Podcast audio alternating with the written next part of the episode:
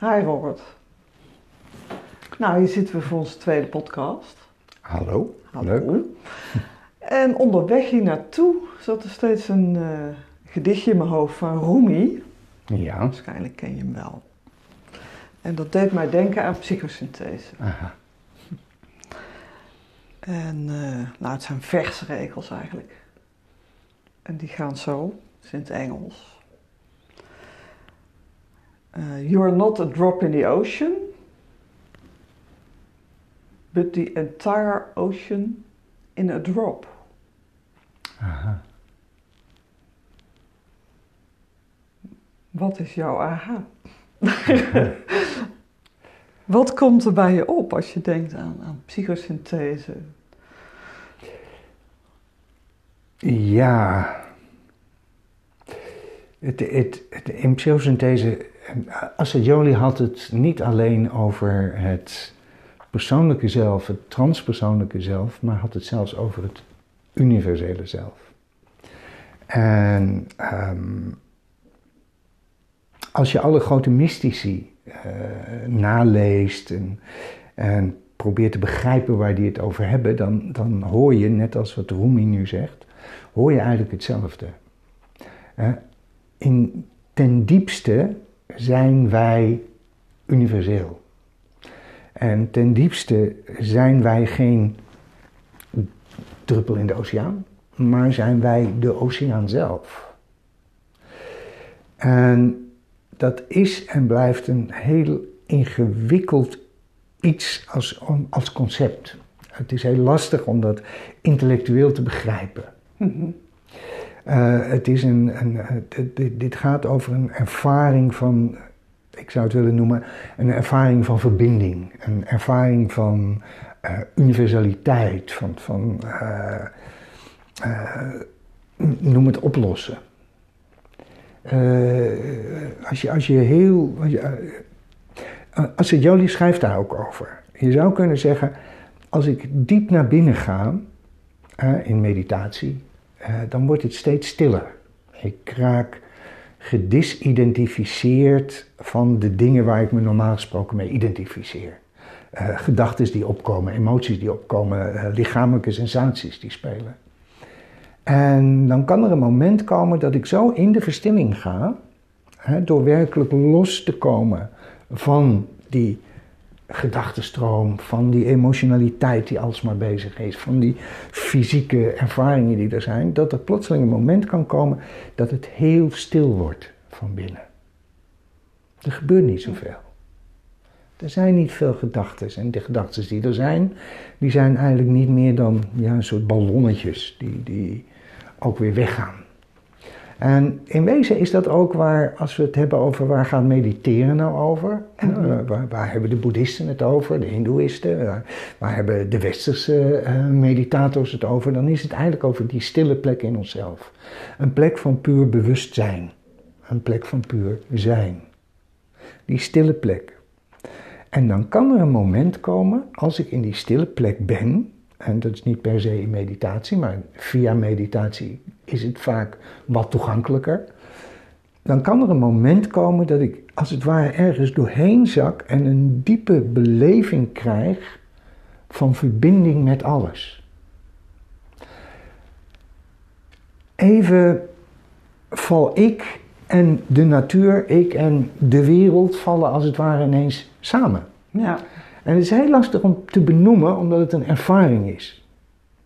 En hij is zo weer weg. Het klinkt of jij daar ervaring mee hebt. Ja, dat klopt. Ja. Ik ook. ja. Ik, ik gebruik, in, in de trainingen gebruik ik wel eens de, de, uh, het moment wat ik een keer heb meegemaakt. Dat um, ik zat eigenlijk in een, een lastige periode in mijn leven, een, zeg maar crisis. Mijn relatie was uit, ik had op dat moment even geen werk. Uh, en ik had geen idee welke kant ik op moest met mijn leven. En, en ik herinner me nog dat uh, ik was door vrienden uitgenodigd om een, uh, een weekendje te komen naar de eilanden. En ik kon slaap niet pakken. Uh, ik was op Terschelling en nou, het huisje lag bij de duinen. En ik ben opgestaan en ik liep door de duinen, ik liep naar de zee. En ik sta daar op het strand en ik kijk en ik zie, die, ik zie een fantastische sterrenhemel.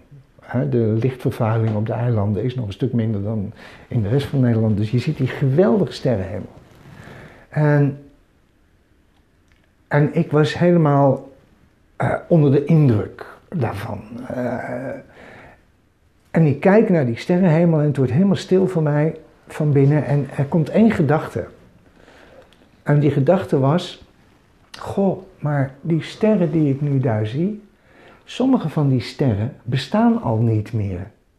Want alleen het licht van de ster, die inmiddels al niet meer bestaat, heeft er ook nog eens miljarden jaren voor nodig gehad om de aarde te bereiken. En op het moment dat ik dat dacht, kwam er een soort beleving in me dat die oneindigheid van dat universum, die tijdloosheid, dat, dat, dat onvoorstelbare, dat kleine, kleine pestballetje in dat enorme universum wat onze aarde is, waar dan een, een, een speldenprikje op staat, dat ben ik dan, die kijkt naar die, die, die enormiteit. Dat was op dat moment was mijn beleving, dat ervoer ik. En tegelijkertijd ervoer ik dat ik dat in mij kon beleven. Het was daarbuiten, die enormiteit, die universaliteit, en ik ervoer hem dus ook ineens in mijzelf. Ik kan het niet anders beschrijven. En het was weg. Dat was wel. Maar wat overbleef, was dat op dat moment al die zorgen die ik had. En alles, al het gedoe in mijn binnenwereld, mijn angsten, mijn paniekerigheid, mijn boosheid, mijn teleurstellingen, die waren als het ware even weg. Want die waren volstrekt irrelevant. In die tijdloosheid, in die enormiteit. Het deed er niet toe. Wat ik allemaal probeerde voor elkaar te krijgen of wat ik niet voor elkaar kreeg. Mijn teleurstellingen deden er niet toe, mijn angsten deden er niet toe. Mijn eisen van het leven deden er niet toe. Eh, al mijn inspanningen om iets groots neer te zetten in de wereld, deed er niet toe. Want dat is allemaal weg na een tijdje. En dat gaf u zo'n diepe rust. Dat gaf jou rust. Gaf een enorme rust. Ja. Want dan hoef ik dus ook niet al dat streven naar een verbeter mezelf traject. En de teleurstelling dat dat weer niet gelukt is. Ja. Ik kan me voorstellen dat je dan, op dat, als je op dat strand staat naar die sterren kijkt, dat je daar ook wil blijven. Als je zo rust hebt. Hoe, hoe was dat? Nou, het, het, het is zoals meestal met dit soort ervaringen. Op het moment dat, dat ze komen, zijn ze enorm. Maar het kanaal, zeg ik ook wel eens, het kanaal naar, naar de- dat transpersoonlijke, naar die spiritualiteit, gaat ook weer gewoon dicht. En wat overblijft is de herinnering. En, mooi woord, herinneren. Ehm, maar dat is, een, dat is een, een, een reflectie van die werkelijke beleving die je op dat moment hebt. En dat verlangen naar zo'n beleving, ja, die kan ik nog steeds hebben. Ja. Het verlangen blijft. Het verlangen blijft. En, maar, Maar, je maar, komt en- ook weer en- terug de wereld in, zeg maar. Ja, je kan niet beetje- anders. Je kan niet anders. Je kan niet anders. Ja. De wereld trekt gewoon aan je. Ik bedoel, ik geloof dat ik in de vorige podcast die vergelijking trok met, met heb ik die verteld van die man met het takkenbos? Ja. Die, na de verlichting komt de afwas. Na, de, Ja. hè, na, na- na het moment, na, na dit grote moment, dat diep, die diepe beleving, ja, moet ik ook weer gewoon eten. En moet ik zorgen dat er eten op tafel komt. En moet ik dus ook weer gewoon nadenken over wat ik wil met mijn carrière en wat de volgende stappen zijn.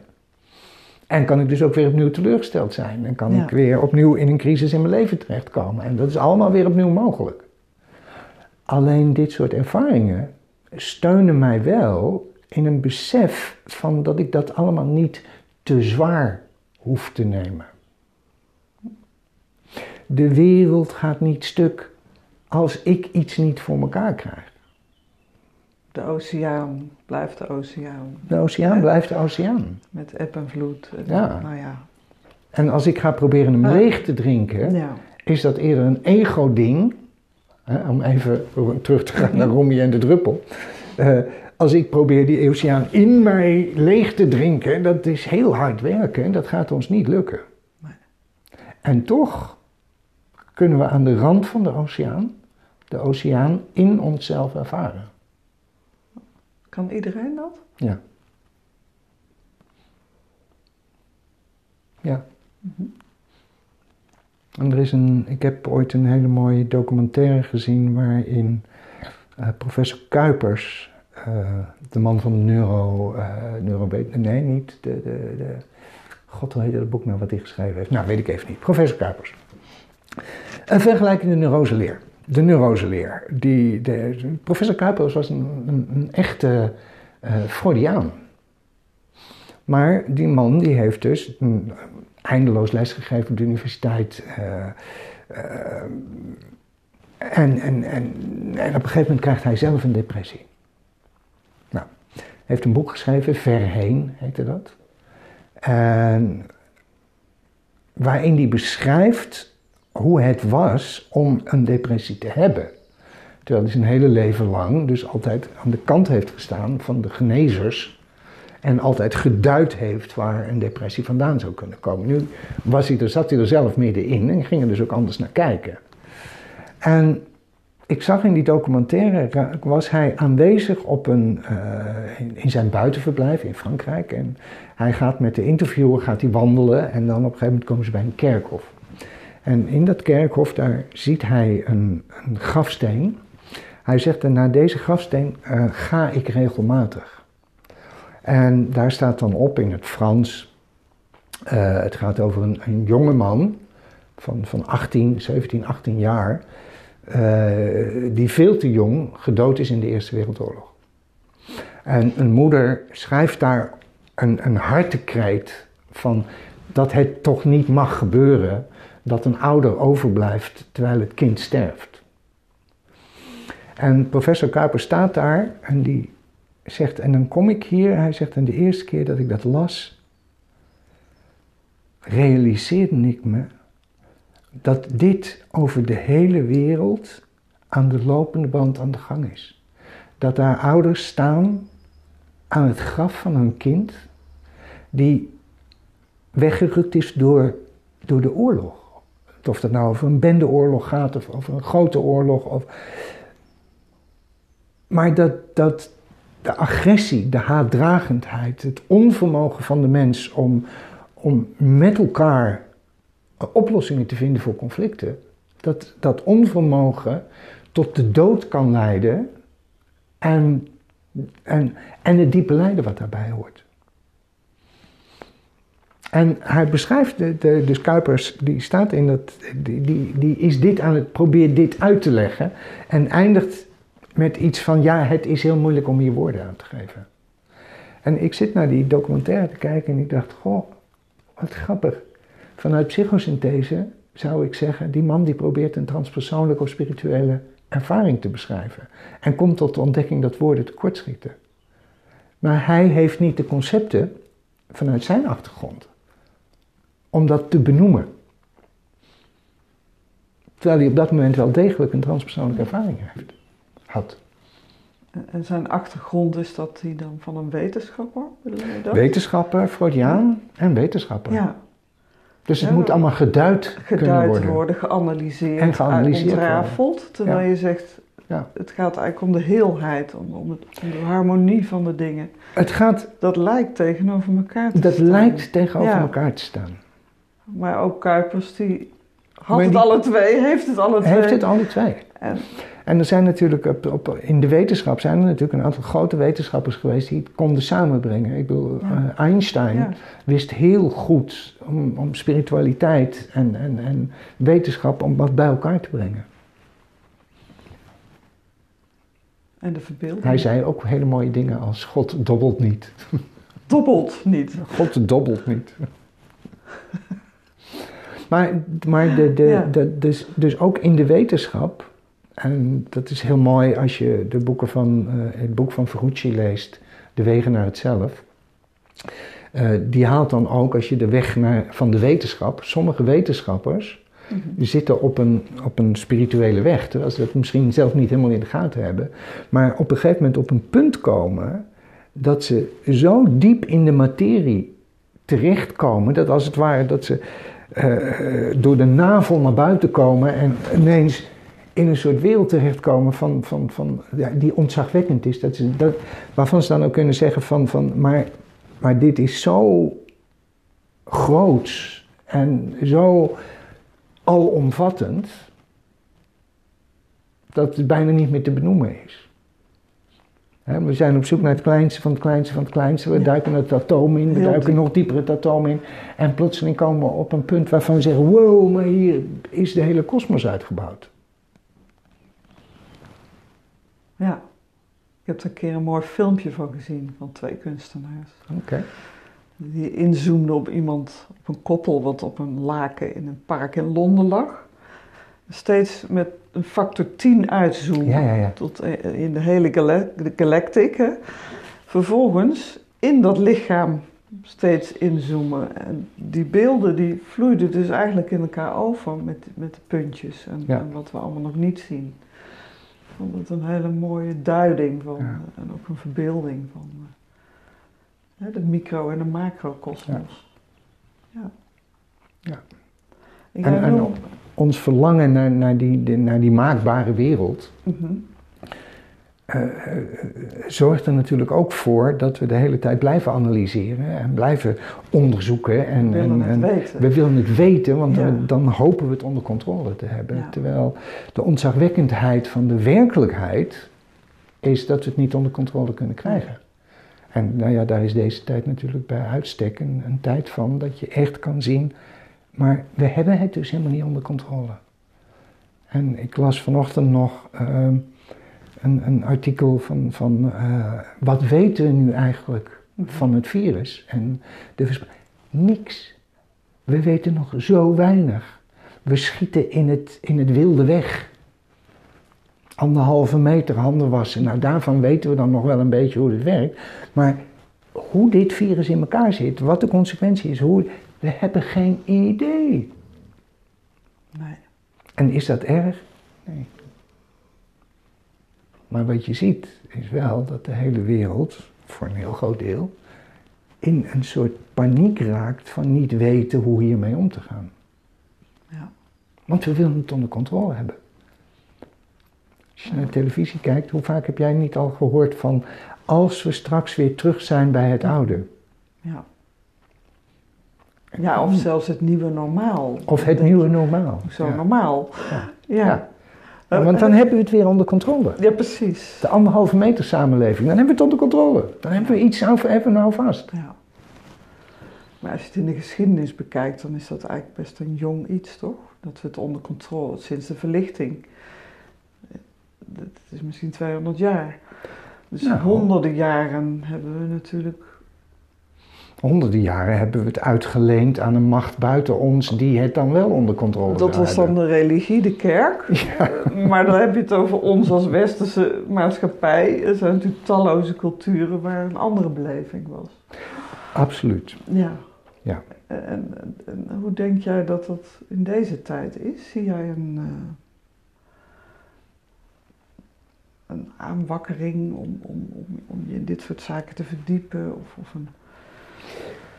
Ik denk het. noodzaak misschien zelfs wel. ja, ik, ik, ik, zie, ik zie dat er een noodzaak is, ik zie ook dat er een behoefte is.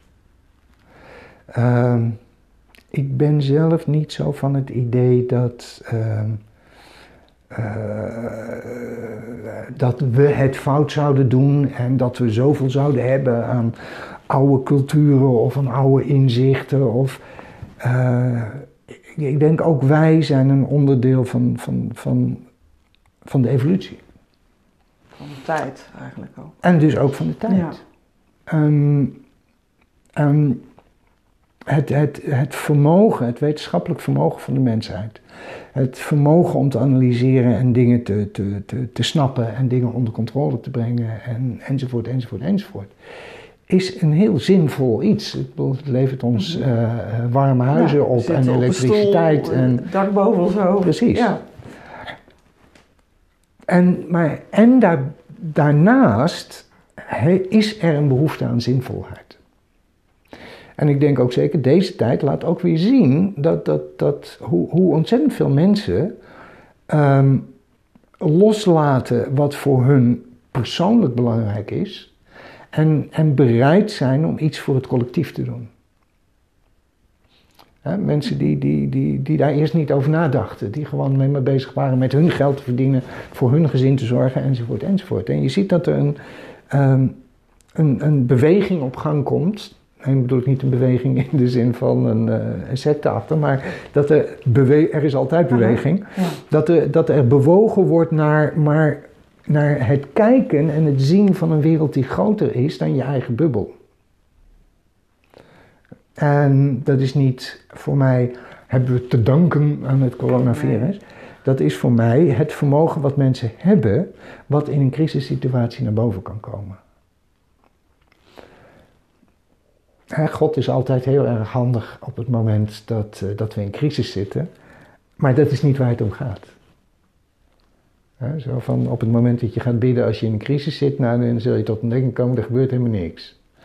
Maar een crisis kan je wel doen realiseren wie ben ik eigenlijk als mens? Wat zijn mijn waarden? Wat zie ik als essentieel? En wat zijn voor mij de grotere verbanden, dus de relaties met de wereld buiten mij?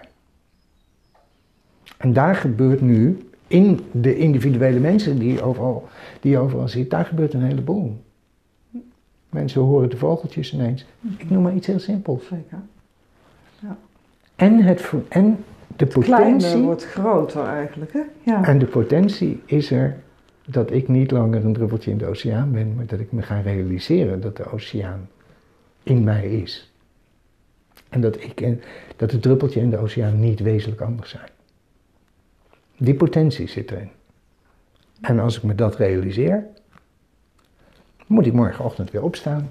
Moet ik weer bedenken hoe ik mijn geld ga verdienen, enzovoort, enzovoort, enzovoort. Ja.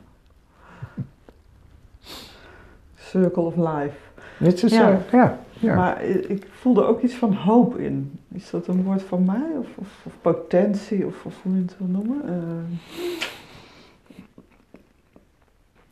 Ik denk er is altijd hoop geweest. Um, maar ik wil hoop dat, maar, dat, het in jou is. Dat je het niet buiten jezelf hoeft te leggen. Of precies. Dat de priester wel zegt wat je moet doen. Of, of de Bijbel. Of, er zijn nog heel veel mensen die daar ook hoop uit halen. Die wil ik verder niet. niet nee, maar ook daar maar zit hoop mij in. geldt het zo. Ja. ja. Nee, maar ook daar zit hoop in. Daar ook in de daar priester, de priester die mij vertelt eh, hoe ik zou kunnen leven, daar Ja. zit ook hoop in. Zeker. Want als dat niet aanspreekt bij mij, ga ik het toch niet doen. Nee. Of ik ga het wel doen en dan gaat het uiteindelijk niet goed met mij. Dus bottom line is, resoneren. het moet altijd resoneren Ja. in mij. En ik ben het product van de evolutie. Ik ben het product van de Tao, zou, ze in, zou de Taoïst zeggen. Daar ben ik het product van. Dus als zodanig zit het ook altijd allemaal in mij. Maar of er hoop is dat de mensheid als soort de evolutie, de top van de evolutie is, geen idee. Als wij is- er niet meer zijn, gaat, gaat het universum nog wel even door hoor. Ja. Zo bedoelde ik hem ook niet. maar je hebt gelijk. Maar het gekke is, Wij ik, zijn ik ook ervaar dat- in die ocean van de evolutie natuurlijk. Ja, en maar ik vind dat best, voor mij is dat best troostrijk. ja, Ik ervaar dat niet als nihilistisch. Nee. Ik ervaar dat zelf als troostrijk. ja. En ik mag dus genieten van het feit dat wij nu op dit moment in de lente, in de zon enzovoort enzovoort zitten. En ik mag ook genieten van mijn streven. En ik mag zelfs genieten van mijn lijden als ik, er- als ik daar lekker in ga zitten. precies. We zijn gewoon mens. Ah, Ja. Als we dat zo eens zouden leren. Ja. Genieten van lijden en angst. Zo. Nou, dat, dat, eh, dat Er gaat is er nog, nog niet één worden. ding wat me nog triggerde. Jij zei over die professor. En Ja. dat is een Freudiaan. Ja. Wat bedoel je daarmee? En hoe, hoe zie je dat ten opzichte van de psychosynthese? ehm, nou, de accepteerde al helemaal aan het begin. Uh, was heel erg into Freud. Uh, de, de psychoanalyse, uh, zag dat als een wezenlijk onderdeel uh, voor de mens om zichzelf te leren kennen. En dus ook om zichzelf te leren ontwikkelen, te groeien, te, uh, gebruik te leren maken van de kwaliteiten die, die de mens in zich heeft, enzovoort, enzovoort. Dus in die zin zag hij het idee van Freud, van, van de blokkades, hè, dat, dat bepaalde energieën, bepaalde dingen in onszelf geblokkeerd zijn door ervaringen uit onze jeugd, door ervaringen van de, hoe de cultuur op ons drukt, hoe de ouders op ons drukken, enzovoort. Dat, dat zag Als absoluut zinvol. Maar hij zag ook andere dingen. Hij keek uh, net iets verder dan Freud, zou je kunnen zeggen. En dat is niet onaardig bedoeld naar Freud, die heeft hele zinvolle bijdrage geleverd. Dat heeft Assagioli ook nooit ontkend. Assagioli heeft alleen gezegd, maar wacht even, er is een spirituele component in de mens. Nou, spirituele component klinkt zo raar alsof dat een dingetje daarnaast is. Maar Assagioli, later is hij dat gaan formuleren als de essentie van de mens is een spirituele essentie. En dat heeft Freud nooit gezegd. En daar zijn ze ook flink uit elkaar gegaan. Ik weet niet of je ooit wel eens gehoord hebt van uh, de brief die, die uh, ooit van Freud heeft gehad over, uh, nou dat, dat Freud, of dat Assagioli tegen aan meneer Freud had geschreven van, goh, uh, Dr. Freud, u heeft het over het onbewuste uh, uh, als iets van, van onderdrukkende mechanismes en het it, het ego, het superego. Maar, zegt hij, zou je dat onbewuste nou niet in drie onderdelen kunnen zetten? Zo'n soort kelder waar de geschiedenis en alles eh, van vroeger opgeslagen is. En dan heb je de begane grond, de verdieping. Nou, daar kan je ook altijd maar in één kamer tegelijk zijn. Dus die andere kamers zijn allemaal onbewust. Wat je vanochtend gedaan hebt, daar kom je alleen maar tot ontdekking door je dat weer te herinneren. Door daar naar op zoek te gaan. Dus dat is nu niet per se aanwezig. En dan is er nog een zoldergebied waarvan waaruit je kan zien dat je een onderdeel bent in iets wat veel groter is. Dat jouw huis staat in een, in een gebied en vanuit de zolderkamer heb je een veel bredere kijk op de dingen. Het lijkt wel, vroeg Assagioli, alsof in uw beschrijving van het onbewuste u slechts geïnteresseerd bent in het lagere onbewuste. En daar heeft Freud op geantwoord, geachte dokter Assagioli. U heeft gelijk, ik ben slechts geïnteresseerd in de kelder van uw huis. Ja. En daarmee, hoewel Freud, het is bekend van Freud dat hij wel degelijk ooit een, een, een spirituele gedachtes heeft gehad in zijn jonge jaren. Maar het is ook waar, waar Jung en Freud uit elkaar zijn gegaan. Ook vanuit een idee dat, dat er, eh, Jung met name omdat hij geloofde in een ziel. Eh, nou, dat was, Freud heeft dat stellig ontkend dat wij een ziel zouden hebben.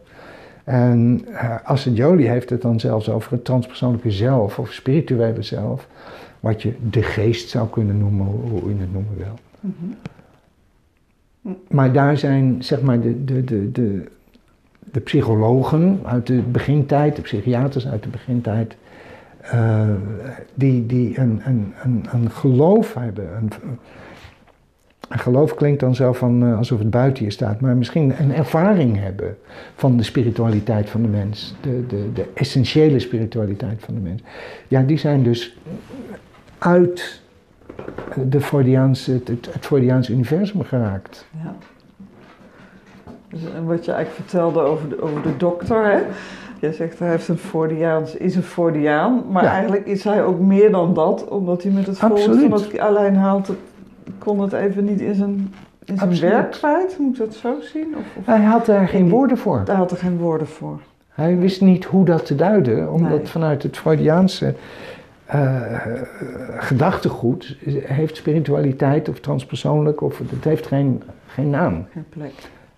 het enige wat, wat, waar, waar, dat dichtbij in de buurt komt, is dat, dat Freud religie en religieuze belevingen eh, altijd heeft geduid als het verlangen naar een grote vader.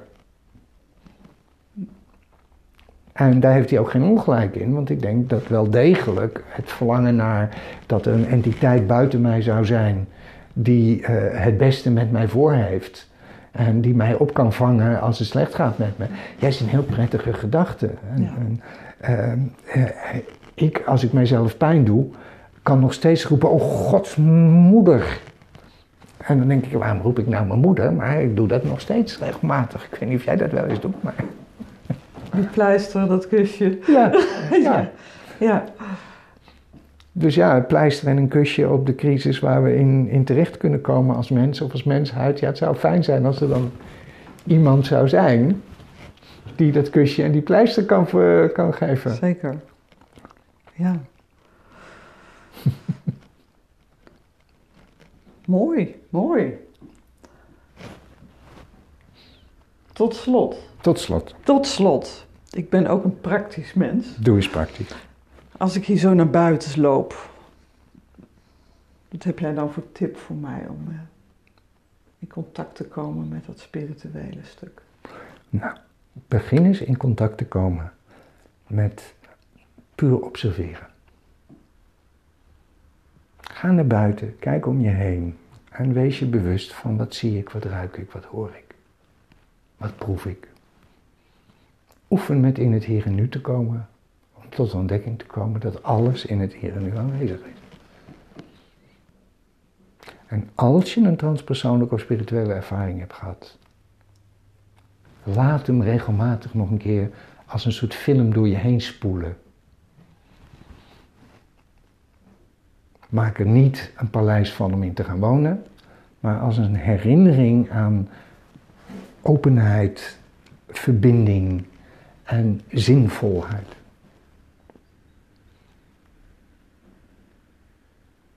Dankjewel.